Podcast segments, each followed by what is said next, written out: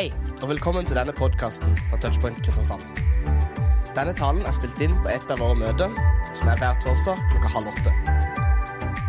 Da jeg var 18 år, så hadde jeg en ungdomspastor som het Jonny. Han var 25, skikkelig god på gitar og med god humor, og ble veldig fort et stort forbilde for meg. En dag så inviterte han meg ned på kontoret for å ta en prat. Da fikk jeg dele litt om hvordan jeg hadde det, fikk fortalt om meg sjøl, hva jeg trivdes med, og hva som var vanskelig i livet. Og han lytta. Kom av og til med noen refleksjoner og noen erfaringer fra sitt eget liv. Det ble starten på en mentorrelasjon mellom Jonny og meg. Og I løpet av de tre neste årene så møttes vi med jevne mellomrom. Jeg tror ikke det var mer enn kanskje to-tre ganger i halvåret. Så totalt sett så var det ikke så mye tid for han. Men det betydde enormt mye for meg. Jeg fikk lov til å komme med den jeg var, og bli lytta til, bli verdsatt, bli sett. Og det betydde så utrolig mye for meg. Den relasjonen har betydd utrolig mye for hvor jeg er i dag.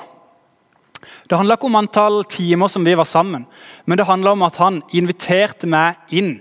Han så meg, han verdsatte meg, og jeg merka at han ville meg det beste.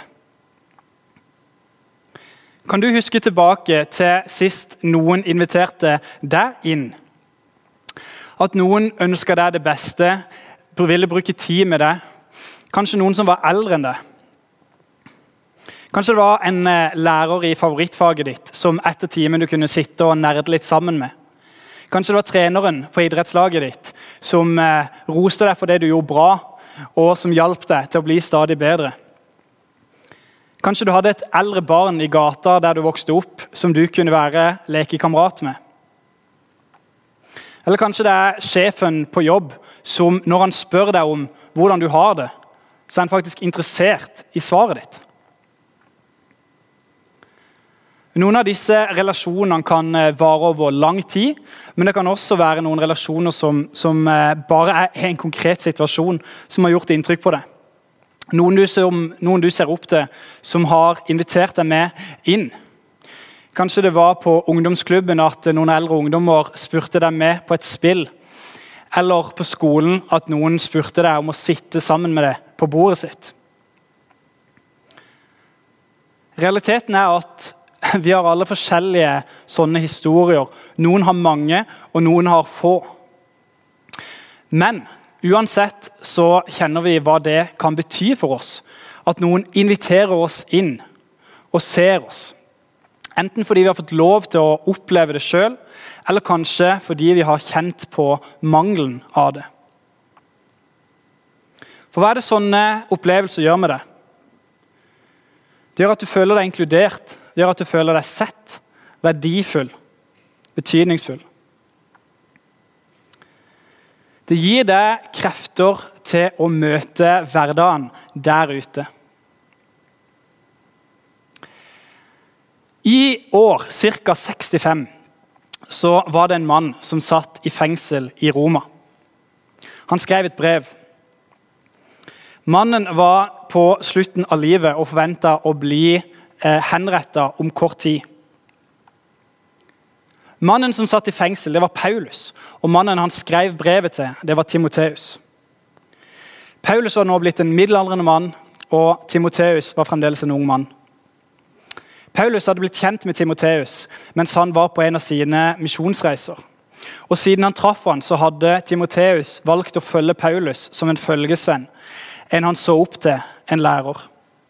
Og Paulus bestemte seg for å investere i Timoteus, for å se han, for å inkludere han. Noen år senere var Timoteus sendt til en av menighetene som Paulus hadde vært med å starte. Selv om Timoteus var ung, så ble han sendt til en av menighetene for å lede den der han var. Og Så dro Paulus videre til en annen plass. Og så har det seg sånn, som vi snart leser i det brevet som denne serien handler om, at Paulus befinner seg i Roma. Han er blitt fengsla for det, den misjonsvirksomheten som de driver på med. Og så skriver han et meget følelseslada brev til Timoteus, fordi han skjønner at han er på slutten av livet, og han vil gi en siste oppmuntring til Timoteus. I starten av brevet så kan vi lese litt om hvordan forholdet mellom Paulus og Timoteus var. Jeg har lyst til å lese fra eh, kapittel 1 og så vers 1-7. Paulus skriver til Timoteus. Paulus, Kristi Jesu apostel, utsendt ved Guds vilje for å forkynne løftet om liv i Kristus Jesus, hilser Timoteus, mitt kjære barn. Nåde, barmhjertighet og fred fra Gud, vår Far og Kristus Jesus, vår Herre. Og Det vi ser her, er at han kaller Timoteus for mitt kjære barn. Og ut ifra det vi vet om Paulus, så hadde han ikke noen egne barn. Han var ikke gift, men han hadde noen åndelige barn. Og Timoteus var ett av disse. Og Det er ganske, et ganske stort eh, bilde, det å kalle noen for 'mitt kjære barn'. Så Vi forstår ganske tidlig at relasjonen mellom Paulus og Timoteus var ganske nær. Og Timoteus fikk lov til å bli invitert og inkludert av Paulus. Så skriver han videre jeg takker stadig for deg og husker på deg dag og natt i mine bønner til Gud, som jeg tjener med en ren samvittighet, slik som mine forfedre. Han takker stadig, og hva betyr det? Jo, han takker både, eh, Paulus takker både Timoteus, andre, og han takker Gud for at Timoteus har kommet inn i livet hans. sitt. De har eh, opplevd mye sammen, og Eh, Paulus viser en fantastisk tillit til Timoteus. Han takker for at eh, den relasjonen de har, og for at eh, Timoteus har vært lojal mot Paulus, og at de kan, for det som de har delt sammen. Og nå er han sendt for å lede menigheten i Efesos. Og så leser vi videre. Jeg glemmer ikke tårene dine, og jeg lengter etter å se deg igjen. Det ville gjort meg inderlig glad. Jeg husker din oppriktige tro, som først bodde i din mormor Louise og i din mor Eunike, og jeg er overbevist om at den også bor i deg. Paulus glemmer ikke, og så, og så eh, skriver han noen ting videre. Og han skriver det at han glemmer ikke tårene til Timoteus. og Andre steder i brev og andre steder i eh, Nytestamentet kan vi lese noe om at eh, Timoteus ofte var syk, og, og, han hadde nok ikke så god helse. Men det at han ikke glemmer tårene hans, det, det, betyr, eller det sier også at forholdet var veldig tett. Paulus hadde vært der når Timoteus var på sitt svakeste. Så den relasjonen som de hadde sammen, den hadde vart gjennom tykt og tynt. Så skriver han mot slutten her, Derfor vil jeg minne deg om dette. La Guds nådegave i deg flamme opp på nytt, den du fikk da jeg la hendene på deg. Når Paulus er Timoteus sin venn og mentor, så har han også muligheten til å minne ham på noe. Timoteus har sett opp til Paulus i lang tid, og nå har Paulus en siste mulighet til å gi noen oppmuntringer til Timoteus. Fordi Paulus tror at nå kommer han til å miste livet ganske snart, og han vil minne Timoteus på noe. Og hva er det han sier? Jo, la Guds nådegave flamme opp i deg på ny. Og Hva betyr det? Jo, det betyr at Når vi som kristne eh, blir kristne, så får vi Den hellige ånd som lever i oss. Og Det er det som Paulus sier. La det være det viktigste i din tjeneste i Efesos. At eh, Guds ånd lever i deg og bor i deg og virker gjennom deg. Så Det er Paulus sin første oppmuntring til Timoteus. Og så ser vi Paulus og Timoteus de, vi forstår at de har en historie sammen, men nå er Timoteus sendt for å lede menigheten i Efesos. Paulus har utrusta han så godt han kan, men nå er det opp til Timoteus å ta oppdraget videre. Og så ser vi at Paulus bruker et prinsipp som vi eh, her i kirka refererer til som å samle for å sende. Det er et prinsipp som vi finner igjen mange steder også i verden. Som det er som eh, når et hjerte pumper blod inn i kameraene og ut igjen i kroppen. Så samles det for å sende.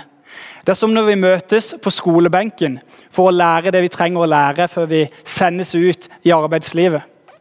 Det er som når eh, soldater samles på, eh, på basen for opplæring og opptrening før de blir sendt ut på oppdrag.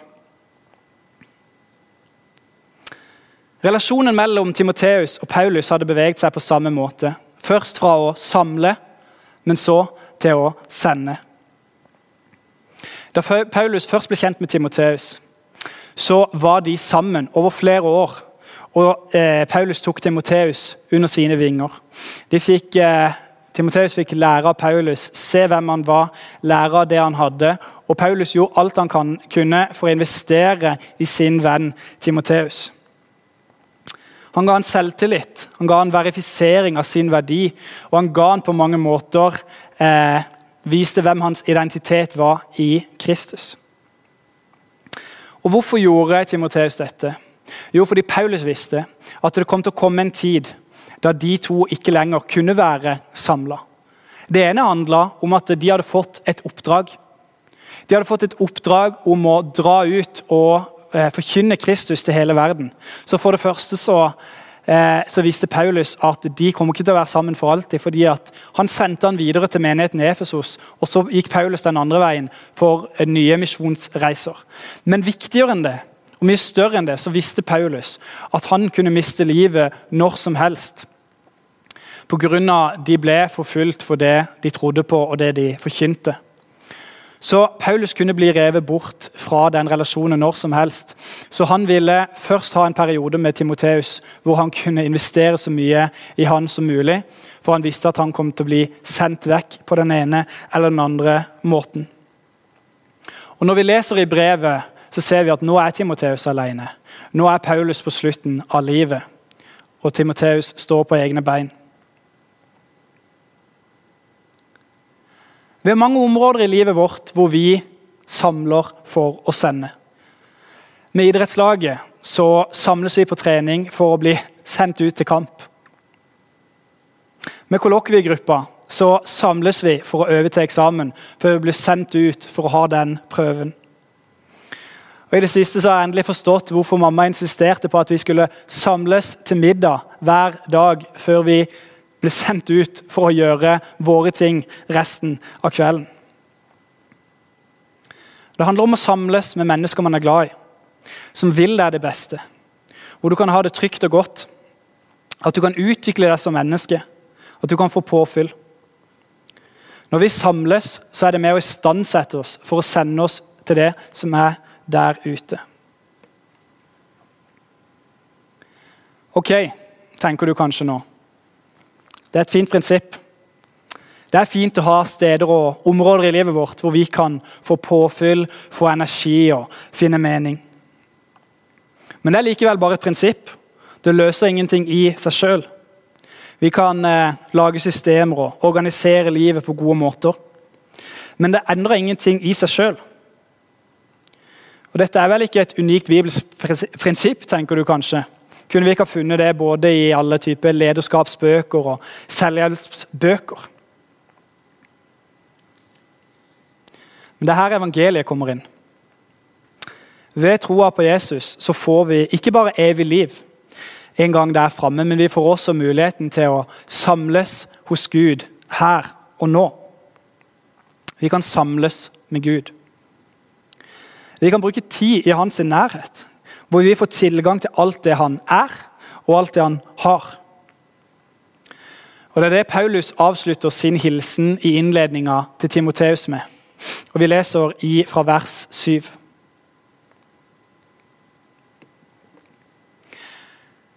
For Gud ga oss ikke en ånd som gjør motløs. Vi fikk ånden som gir kraft, kjærlighet og visdom. Så vi ser det at når vi samles hos Gud, så får vi Hans ånd, som gir oss mot, som gir oss kraft, som gir oss kjærlighet og som gir oss visdom. Én ting er å samles for å dele av verdens ressurser, men all menneskelig kunnskap og all menneskelig erfaring Det i seg selv hjelper lite i det store bildet, fordi vi vet at til syvende og sist så kommer vi til kort. Men når vi samles med Gud, så får vi tilgang til hans ressurser. Og som Paulus skriver, så får vi gjennom Hans ånd Vi får mot, vi får kraft, vi får kjærlighet, vi får visdom.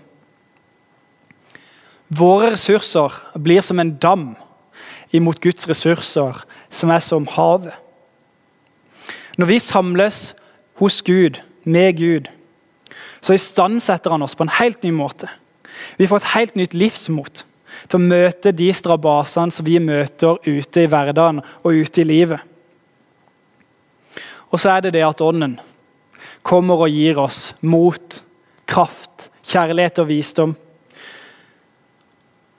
Og da når vi er der ute, så er det ikke i oss selv vi kjemper de kampene vi kan møte på, men Ånden gjennom oss gir oss det vi trenger. Og det er den store forskjellen. Og Hva betyr dette for ditt liv? Om du kjenner at du kommer til kort, og kjenner at du trenger å samles hos Gud Du ønsker kanskje at Guds ånd skal virke i deg. Da vil jeg oppfordre deg til å tenke over følgende. Hvilke områder har du i ditt liv hvor Gud er i sentrum? Trenger du å oppdage noen nye måter å samles med Gud på? Kanskje snubler du innom denne talen og er en ikke-troende. Så kanskje første steg er å begynne å følge med på disse samlingene fast. Kanskje har du gått fast på touchpoint en stund og ønsker en mer personlig og privat måte å samles med Gud på. Kanskje du da kan begynne hver dag med å lese dagens bibelvers og kanskje be ett minutt. Så fins det også mange andre måter å samles med Gud på å være sammen med han på. Ta deg en tur ut i skogen og opplev og erfar Guds skaperverk. Eller bruk sansene dine og erfar at Herren er god. Tenn et duftlys. Ta deg en kopp god kaffe og finn fram en bildebibel, f.eks. Se i den, eller finn fram noen bibelkort. Kanskje kan du ta deg en time eller en hel dag og bare være stille for deg selv Kanskje har Gud noe han vil si til deg. Kanskje kan du erfare nærhet til Gud gjennom gode handlinger, ved å være aktiv, ved å gjøre noe for andre mennesker. Kanskje gjennom håndverk eller håndarbeide. At du kan gjøre noe for andre og oppleve Gud nært gjennom det. Eller kanskje du kan samles med noen få venner i disse tider og lovprise og lovsynge Gud sammen. Og være entusiastisk over det budskapet som vi har fått. Eller kanskje du kan lese en bok med noen med kristent innhold og diskutere den sammen. Det er utrolig mange gode måter å være sammen med Gud på. Og da, Hvis du gjør noen av disse tingene, eller finner dine egne måter å være nær hos Gud på, samle deg hos Gud, så vil du oppleve Hans ånd og bli fylt opp av hans mot, hans kraft, hans kjærlighet og hans visdom. Og Så har jeg én konkret eh, utfordring til deg. Om du er kristen, så jobber Guds ånd i deg. Så utfordrer deg til å dele den gaven videre med noen andre. Som jeg snakka om i innledninga, så eh, spurte jeg om eh, om du husker noen som investerte eller inviterte deg inn og delte av det gode som de har. Og så sa at Realiteten er at noen har flere sånne opplevelser, og noen har veldig få. Og Hvis du er en av de som har få, kanskje du kan være med på å bryte den sirkelen, og så kan du være en sånn person for noen andre. Finn noen som er yngre enn deg, som du kan investere i. Akkurat sånn som Paulus investerte i Timoteus. Og så er det ofte sånn at Når vi får den type utfordringer, så tenker vi fort at det er ikke jeg kvalifisert til. Jeg kan ikke nok. Jeg vet ikke nok. Hvordan kan jeg ta ansvar for å investere i en annen person, tenker du kanskje. Heldigvis så kaller ikke Gud de som er perfekte, men han kaller de som er tilgjengelige. Ditt eneste ansvar det er å være tilgjengelig for at hans kraft skal virke gjennom det. Så gjør ting dere trives med. Bare vær sammen, ha det gøy og kos dere. Og så vil Guds kraft virke gjennom det hvis dere samles med Gud i sentrum. Og så Mot slutten så har jeg et lite eh, eksperiment. Fordi at Hvis du det neste året bestemmer deg for at jeg ønsker å samles, jeg ønsker å invitere eh, to forskjellige personer til, inn til meg som kan samles hos meg, jeg kan dele med dem hvis du bare finner to personer som er yngre enn deg, som du kan bety en forskjell for, og oppfordrer de til å gjøre det samme neste år, så blir det fort en stor ringvirkning av det som du gjør. Første året så er det to som du investerer i. Neste år investerer de to nye, så blir det fire. Så blir det 8, 16 og 32 noen år seinere. Og innen ti år så har det du gjorde med to mennesker, blitt til 1000 mennesker som har fått oppleve Guds ånd gjennom dere. Vi er kalt til å samles for å sende. Vi finner prinsippet igjen i naturen og i menneskelige handlinger. Men med evangeliet så ble det åpna opp for at vi kan samles hos Gud. Vi kan oppleve Hans ånd gjennom oss, og vi kan bli sendt ut med den ånden der hvor vi er. Både i vår egen hverdag, og så er vi også sendt ut med et oppdrag om å gi evangeliet videre til andre mennesker. Vi ber. Takk, Gud, for at vi kan samles hos deg. Takk for at vi får oppleve og erfare hvem du er, og at det kan påvirke oss. Takk for at du fyller oss med mot, kraft, kjærlighet og visdom, som vi kan ta med oss ut i våre liv. Hjelp oss så vi kan gi det vi har fått, videre til andre. Amen.